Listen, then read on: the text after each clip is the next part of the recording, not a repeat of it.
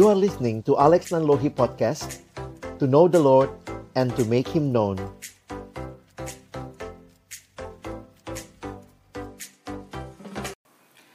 Bapa di dalam surga, kami datang dalam ucapan syukur karena hari ini kami boleh bersama-sama merayakan kelahiranmu ke dalam dunia.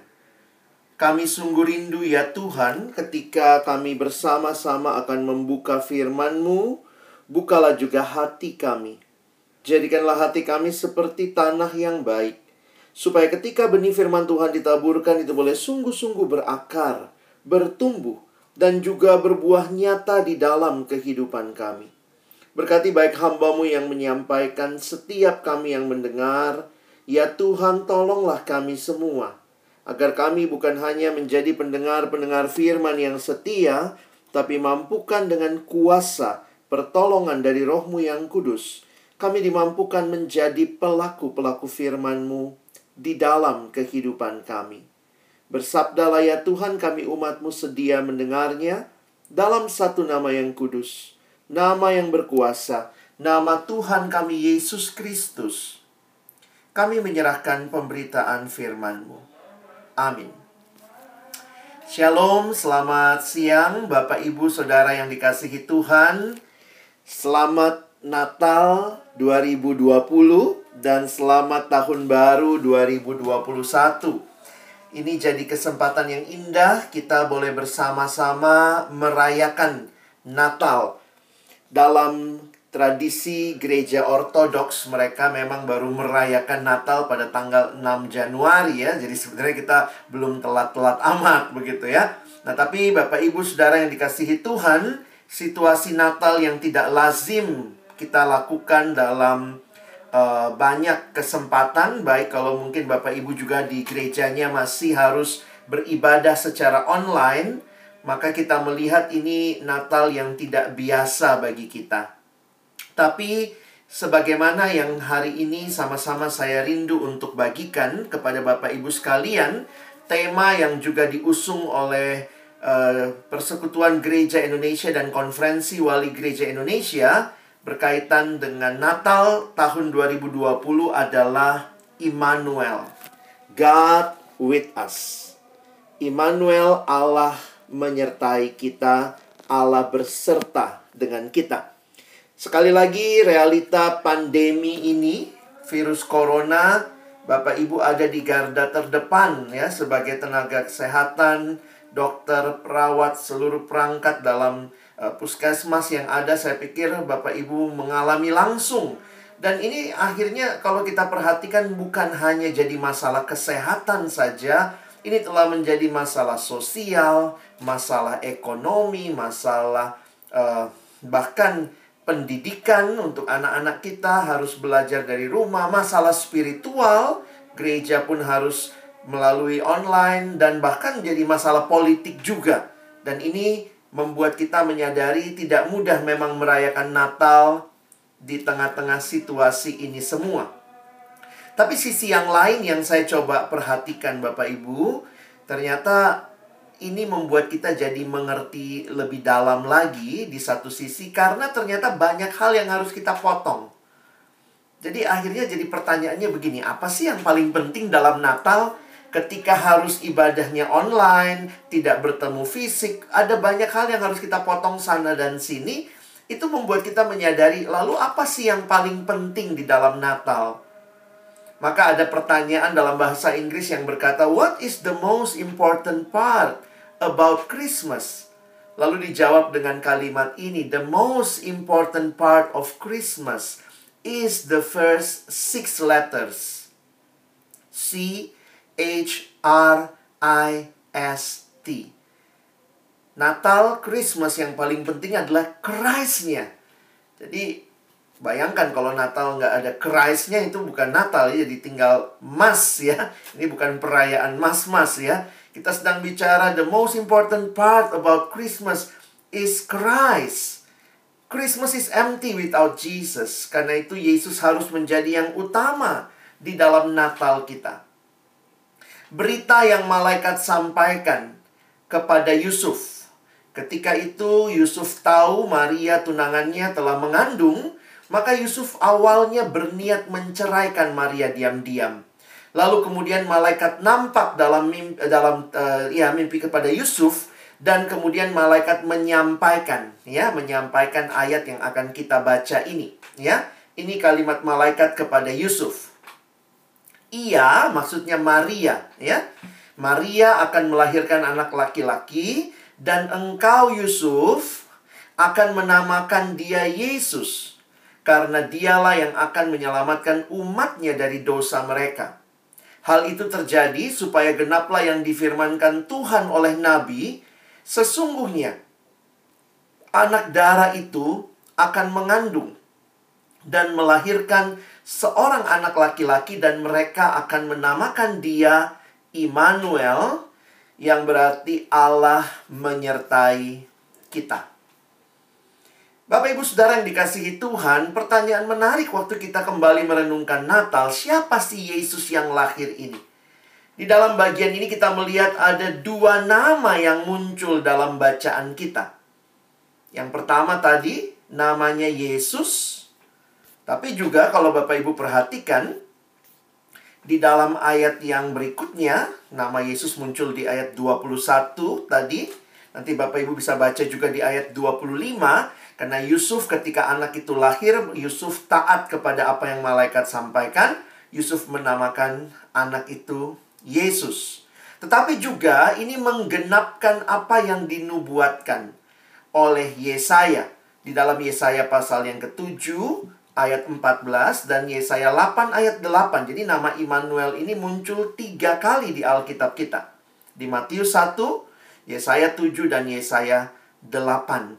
Jadi yang saya ingin kita renungkan dengan singkat siang hari ini, apa arti nama ini bagi kita? Mungkin Bapak Ibu jadi bertanya, jadi sebenarnya namanya yang mana? Apakah namanya satu apa dua? Namanya Yesus atau Immanuel, ya? Tapi ya tentu kita tahu ya bahwa memang dia dipanggil Yesus. Immanuel itu seperti sebuah um, gelar kalau mungkin kita bayangkan begini ya uh, Joko Widodo Presiden Indonesia. Jadi kita bisa membayangkan ya namanya Joko Widodo begitu ya. Lalu jabatannya adalah Presiden Indonesia. Jadi ini kita sedang bicara tentang Yesus Sang Immanuel. Karena dia bukan namanya Immanuel. Yesus kan nggak dipanggil Noel ya. Bukan. Dia disebut Immanuel karena menggenapkan apa yang dituliskan dan apa arti nama ini buat kita? Saya ingin kita mengerti dua hal secara khusus melalui nama ini. Nama ini berarti bagi keselamatan kita dan juga berarti bagi kehidupan kita. Mari Bapak Ibu kita mulai dari yang pertama. Nama ini punya arti bagi keselamatan kita. Mengapa? Karena jelas sekali malaikat mengatakan kepada Yusuf, engkau akan menamakan dia Yesus karena dialah yang akan menyelamatkan umatnya dari dosa mereka. Bapak Ibu mungkin ada yang bilang Natal kok ngomong dosa, Pak. Justru kalau Natal nggak ngomongin dosa, apa yang kita sedang bicarakan? Bukankah yang lahir pada waktu Natal namanya Yesus karena kalimat malaikat kepada Yusuf dialah yang akan menyelamatkan umatnya dari dosa mereka. Tidak heran ketika malaikat menyatakan kepada para gembala di Lukas pasal 2, malaikat berkata inilah berita kesukaan besar untuk seluruh bangsa. Oh menarik sekali memperhatikan kalimat ini. Inilah berita kesukaan besar untuk seluruh bangsa bahwa juru selamat bagimu telah lahir, yaitu Kristus Tuhan di kota Daud. Tapi sering kali Bapak Ibu begini ya, untuk mengerti berita sukacita besar, kita perlu juga ya tahu apa berita duka cita besarnya. Nah, saya kasih contoh begini. Kalau orang sadar dia sakit, maka lihat dokter lihat perawat akan sangat berterima kasih. Itu kalau dia sadar dia sakit. Bad newsnya dia sakit karena itu dia butuh orang yang bisa menyembuhkan. Tapi kalau orang nggak pernah sadar dia sakit, seribu pun dokter berbaris di depannya, dia ngerasa aku nggak sakit kok. Jadi untuk mengerti berita sukacita, sering kali kita juga harus paham dulu ada berita duka cita apa, karena kalau kita memperhatikan kalimat malaikat bahwa Yesus ini adalah berita sukacita besar. Emangnya apa berita duka cita terbesar di bawah kolong langit ini? Berita duka cita terbesar ternyata bukan virus corona, saudara. Tentu corona ini juga jadi berita duka cita sampai banyak nyawa yang direnggut dan kita jadi melihat ngeri banget begitu ya. Ini begitu menyedihkan. Tetapi Alkitab memberikan berita yang jauh lebih menyedihkan tentang manusia. Kalau Bapak Ibu perhatikan di dalam Roma pasal 3 ayat 23, kalimat yang Paulus sampaikan, karena semua orang telah berbuat dosa dan telah kehilangan kemuliaan Allah. Perhatikan kalimat ini. Siapa yang berbuat dosa? Alkitab berkata semua orang. Sehingga dalam perenungan saya terkait dengan pandemi ini saya harus katakan dosa inilah pandemi yang sesungguhnya. Sin is the real pandemic. Kalau Bapak Ibu bicara pandemi, memang karena di banyak negara, di banyak tempat di dunia terjadi atau pengaruh dari virus corona. Tapi kan tidak semua orang kena. Ada yang kena, ada yang tidak. Jadi kita bilang pandemi karena melanda sebagian besar tempat di dunia di mana ada manusianya dan ada yang terinfeksi, tapi juga ada yang nggak kena Bapak Ibu. Sementara Alkitab berbicara dosa ini semua orang tanpa kecuali pandemi yang sesungguhnya ini dosa. Berita duka cita terbesar bahwa semua orang telah berbuat dosa. Tidak peduli dia anak kecil, orang dewasa, dia tua atau dia muda, dia ber berpendidikan, kurang berpendidikan, dia laki-laki perempuan. Alkitab mengatakan yang berdosa itu semua tanpa kecuali. Dan ini berita duka cita terbesar. Karena dosa ini digambarkan kemudian oleh Rasul Paulus seperti Paulus mempersonifikasi dosa. Dosa digambarkan seperti tuan yang sedang memperbudak. Karena itu di dalam Roma pasal 6 misalnya, Paulus berkata, kamu adalah hamba dosa. Dosa seperti tuan yang sedang memperbudak dan hamba tidak punya pilihan selain melakukan apa yang tuannya mau. Ini berita duka cita terbesar karena akhir cerita dari dosa. Roma 6 ayat 23a menuliskan upah dosa ialah maut. The real pandemic is sin. Dan akhir cerita dari hidup di dalam dosa, upahnya adalah maut. Maut berarti terpisah dengan Allah. Maut berarti kematian yang bersifat kekal. Maut ini yang digunakan istilah dalam Yohanes pasal 3, binasa. Sehingga Bapak Ibu Saudara sekalian, berita buruk ini begitu kita dengar Yesus datang menyelesaikan dosa, wow, itu kayak Yesus vaksinnya Bapak Ibu ya. Yesus itu the real vaccine yang bisa menyelesaikan pergumulan yang dialami semua manusia hanya Yesus. Kadang-kadang kalau kita hafal Roma 6 ini, kadang-kadang kita cuma hafal ayat A-nya. Sebab upah dosa adalah maut. Coba sebutkan Roma 6 ayat 23. Upah dosa adalah maut. Tapi jangan lupa Bapak Ibu kalau baca ayat Alkitab mesti lengkap ya. Karena Roma 6 ayat 23 ada bagian B-nya ya.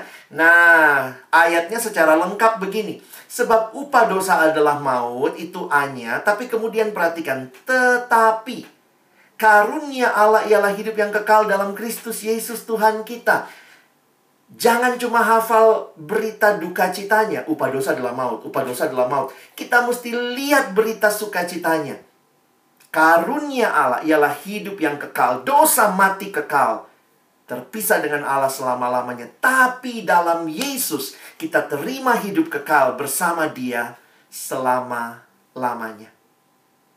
Karena itu sekali lagi waktu berita ini datang, saya pikir pastinya Yusuf akan tercengang juga. Wow, dia yang akan menyelamatkan umatnya dari dosa mereka. Bapak Ibu harusnya Natal yang kita rayakan itu bukan perayaannya orang Kristen. Kalau Bapak Ibu mengerti ayat ini, Natal harusnya menjadi perayaan semua manusia berdosa. Karena jawaban atas pergumulan dosa kita telah diberikan di dalam Yesus Kristus. Natal bukan perayaan orang Kristen. Natal perayaan manusia berdosa. Sayangnya banyak yang belum sadar. Dan juga orang Kristen kadang-kadang hanya sibuk merayakan Natal untuk dirinya. Yesus kan tidak pernah datang dari surga pakai papan besar. Maaf untuk kalangan sendiri. Kita yang bikin papan itu. Dia datang untuk semua orang. Kehadirannya dalam dunia. Dia tidak hanya lahir, dia bertumbuh, dia besar, dia melayani, dia menderita, dia mati, dia bangkit, dia naik ke surga, dan dia janji akan datang kedua kali. Saya pikir kita harus mengerti apa yang Yesus lakukan secara utuh. Natal bukanlah sebuah perayaan terpisah dari Jumat Agung, dari Paskah kebangkitan Yesus, dari kenaikan Yesus ke surga.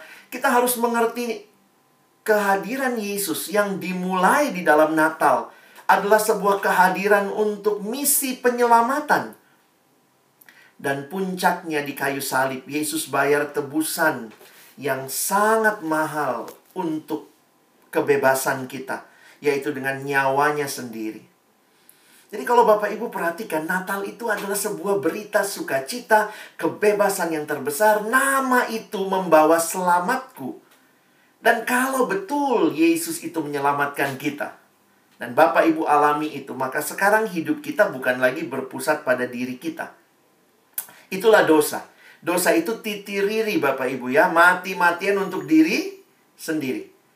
Tetapi keselamatan bicara tentang penebusan Kristus. Sekarang bukan lagi aku yang hidup kata Paulus. Tapi Yesus yang hidup. Hidupnya beralih fokus. Bukan lagi aku. Tapi Yesus yang hidup dalamku. Jadi Bapak Ibu bisa membayangkan orang Kristen mengalami keselamatan dan menghidupi keselamatannya sangat berbeda dengan dunia.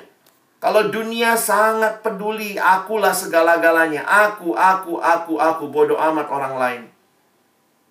Yang penting yang aku mau, yang aku puas. Kalaupun tidak memuliakan Tuhan, yang penting aku senang. Tapi tidak demikian. Kalau kita mengalami Natal, keselamatan itu membawa perubahan hidup dalam pekerjaan kita. Kadang-kadang ada orang yang unik-unik gitu ya dalam pekerjaan ya. Harusnya bagi saya kalau kita anak Tuhan kelihatan juga dalam pekerjaan kita ya. Apa artinya mengasihi, mengampuni, berbelas kasihan. Tentu kita bisa tegas. Tapi juga disertai dengan tindakan yang lembut. Karena kita men, men, menjadi wakil Kristus di dalam pekerjaan kita. Melalui pekerjaan kita.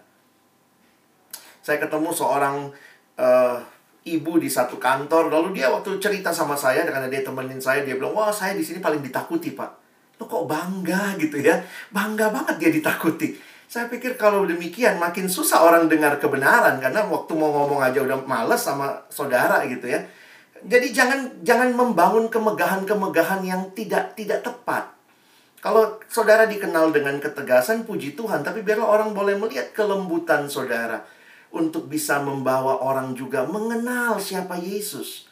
Pekerjaan kita memuliakan Tuhan. Kalau Bapak Ibu dalam pergaulan juga harusnya yang dimuliakan adalah Tuhan. Kalau bagi Bapak Ibu yang sedang berelasi juga ya, atau mungkin yang sedang mencari teman hidup, pasangan hidup, dalam relasi-relasi kita juga apakah Tuhan yang dimuliakan, bukan lagi aku fokusnya. Termasuk rumah tangga kita banyak keluarga harus berkumpul, dipaksa ngumpul di rumah dalam masa pandemi ini. Jadi ketahuan deh aslinya ada konflik gesekan gitu ya. Saya jadi mikir gitu, apa memang kita lebih senang di luar rumah ya supaya nggak bergesekan dengan orang-orang yang terdekat dengan kita. Tapi kalau kita adalah rumah tangga Kristen yang mengalami Natal, ada pembaharuan Bapak Ibu sekalian.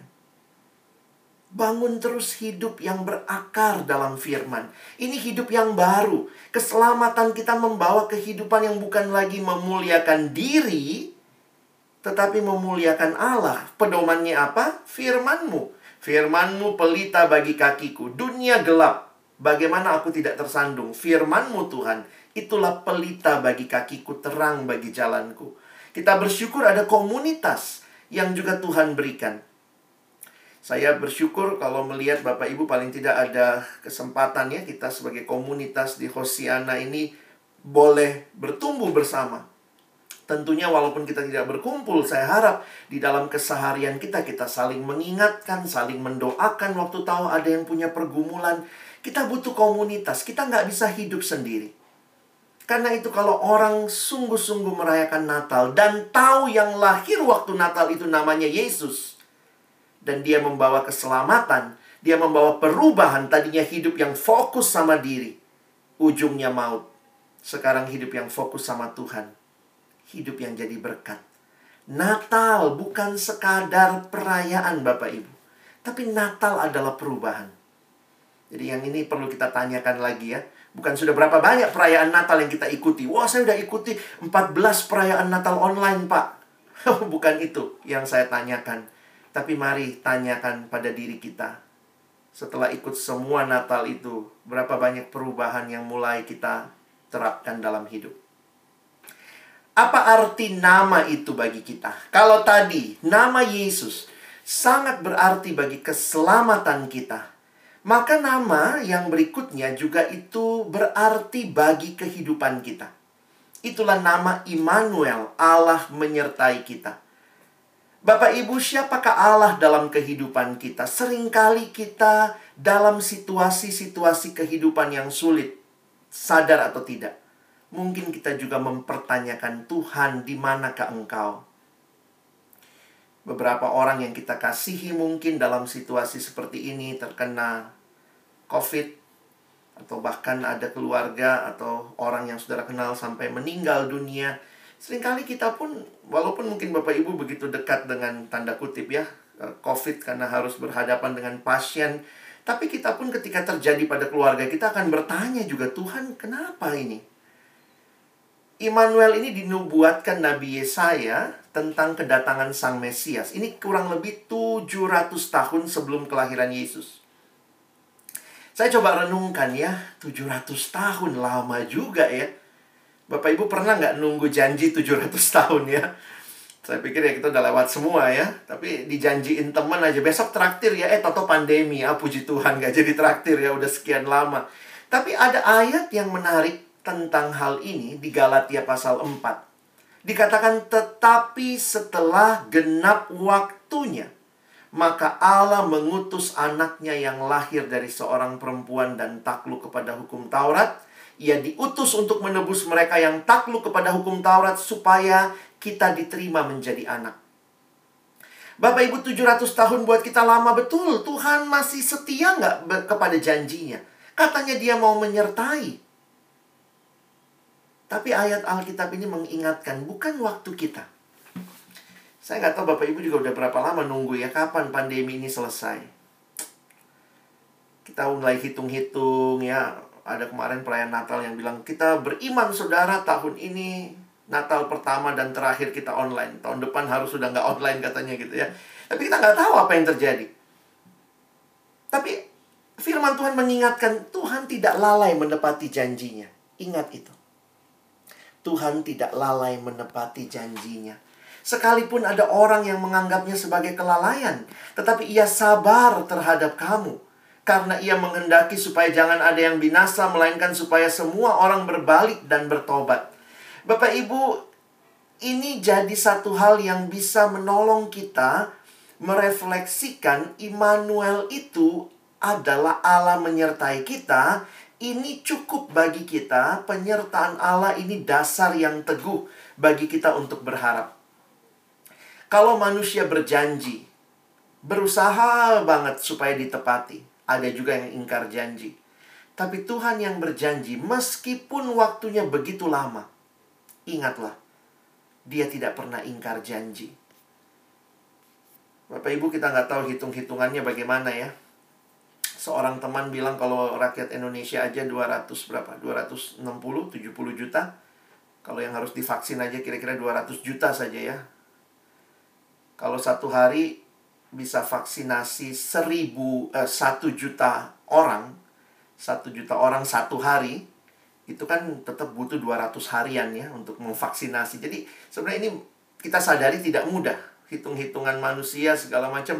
Mungkin kita masih setahun seperti ini, harus beradaptasi. Sesudah itu divaksinasi pun tetap harus mengikuti protokol kesehatan. Masih nggak masih nggak mudah, saudara, jalan ke depan. Lalu harapan kita apa? Saya pikir keyakinan bahwa Allah menyertai itulah kekuatan kita. Saudara bilang, tapi kan Tuhan Yesus menyertai terus dia naik ke surga. Loh, bagaimana ini?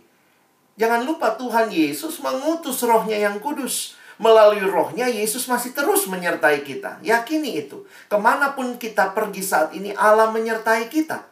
Dan Yesus ini tidak hanya menyertai kita pada saat yang tenang, aman. Namun ia akan menyertai kita pada situasi-situasi yang paling sulit sekalipun. Pengharapan kita dari Allah. Makanya menarik sekali, Yesus itu adalah Allah menyertai kita. Kekristenan tidak menganggap Yesus hanya nabi biasa. Dari namanya, dia Allah yang menyertai kita. Yesus itu Allah yang menjadi manusia. Karena pengharapan kita nggak bisa dari dunia. Manusia tidak bisa memberikan pengharapan kepada manusia lain. Pengharapan kita datangnya dari Allah. Bapak Ibu dalam satu survei dikatakan ada tiga ketakutan besar manusia. Tiga teratas ya. Dalam survei ini. Pertama takut masa depan. Jadi kita takut dengan masa depan. Ada juga yang takut dengan kegagalan. Banyak orang bikin rencana kan gagal semua juga ya saudara ya. Dan juga ini ternyata masyarakat sosial yang sangat bermedsos ria ternyata juga ketakutan yang muncul juga adalah ketakutan akan kesepian. Lucu ya. Punya follower banyak di medsos tapi merasa sepi. Nah, ini ketakutan-ketakutan yang ada dan saya pikir yang ngalamin ketakutan ini bukan cuma orang yang di luar Kristen ya. Saya pikir orang-orang Kristen kita pun sadar ada saat-saatnya kita mengalami ketakutan seperti ini. Apa yang harusnya kita ingat? Bapak Ibu ingatlah, Tuhan tidak pernah janji hidup tanpa pergumulan. God never promises that we will never face struggles or problem. Tidak ada dalam janji Tuhan. Buka Alkitab tidak ada janji, aku akan membuat kamu tidak mengalami apa-apa dalam hidup. Tidak. Realita manusia mati saja itu membuat kita menyadari bahwa kita pun menghadapi pergumulan karena akibat dari kejatuhan manusia dalam dosa. Lalu apa yang menjadi janji Tuhan? Janji Tuhan ini yang kita sedang bahas, Immanuel. God walks with us in our struggles. Dia berjalan bersama kita. Saudara dan saya tidak ditinggalkan sendirian. Di tengah ketakutan kita akan masa depan, Tuhan berkata, "Aku telah mendahuluimu dalam masa depan itu." Dalam ketakutan kita akan akan kegagalan, Tuhan berjanji menopang kita dan dalam ketakutan kita akan kesepian. Kita punya sahabat yang setia, Immanuel. Apa itu hidup? Life is a journey. And it's a journey with Jesus, Sang Immanuel. Jangan takut Bapak Ibu. Bukan karena kita bisa menjamin masa depan. Bukan karena kita tidak mungkin gagal tapi jangan takut karena dia menyertai kita. For I am with you. Kalau Bapak Ibu cek di Alkitab, kalau ada yang mau hitung silahkan ya. Ada sampai 365 kali kata frase jangan takut. Menarik ya, 365 kali kata jangan takut. Kalau satu tahun 365 hari cukuplah sehari satu ya. Sebagai reminder bagi kita. Ingat, jangan takut. Tuhan menyertai kita. Saya simpulkan khotbah hari ini. Apa arti nama ini bagi kita? Apa arti nama Yesus Sang Immanuel? Ingatlah Bapak Ibu sekalian, nama ini sungguh berarti bagi keselamatanmu, bagi kehidupanmu, bagi keselamatan kita. Karena tidak ada nama lain yang sanggup menyelamatkan manusia dari dosa. Dan bagi kehidupan kita, karena tidak ada penolong lain yang sanggup berjalan bersama di tengah-tengah pergumulan. Karena itu bagaimana kita merayakan Natal? Wah kita udah nyanyiin tadi ya Ada satu anak remaja pernah nanya sama saya Kak Alex, Kak Alex bagaimana caranya merayakan Natal? Saya bilang kamu baru nyanyi tadi Hah? Nyanyi tadi ya? Apa lagunya kak? Hai dunia, gembiralah dan sambut rajamu. Di mana sambutnya? Di hatimu terimalah. Natal itu bukan cuma soal makanan, Bapak Ibu. Natal itu soal membuka hati, menerima Yesus seperti kata lagu ini. Kalau dia datang bagi keselamatan kita, dia datang menyertai kehidupan kita. Apakah kita membuka hati kita? Christmas is not so much about opening presents as opening our hearts. Sehingga respon yang harusnya kita miliki. Buka hatimu. Terima sang bayi Natal Yesus lahir di hati kita. Karena dengan itu, Bapak Ibu selamat. Dan dengan nama Sang Immanuel, kita menjalani hari-hari hidup kita ke depan. Selamat Natal 2020. Selamat menjalani tahun yang baru, tahun 2021. Tahun yang kita sendiri juga belum tahu apa yang akan terjadi. Tapi satu hal yang pasti, Sang Immanuel itu menyertai kita. Amin. Mari kita berdoa. Tuhan tolong kami. Bukan hanya merayakan Natal, tapi mengalami Natal itu sendiri. Mengalami apa artinya Yesus sebagai juru selamat kami. Mengalami apa artinya Yesus Sang Immanuel yang menyertai kehidupan kami. Mungkin dari antara kami ada yang sedang dalam pergumulan yang berat saat ini.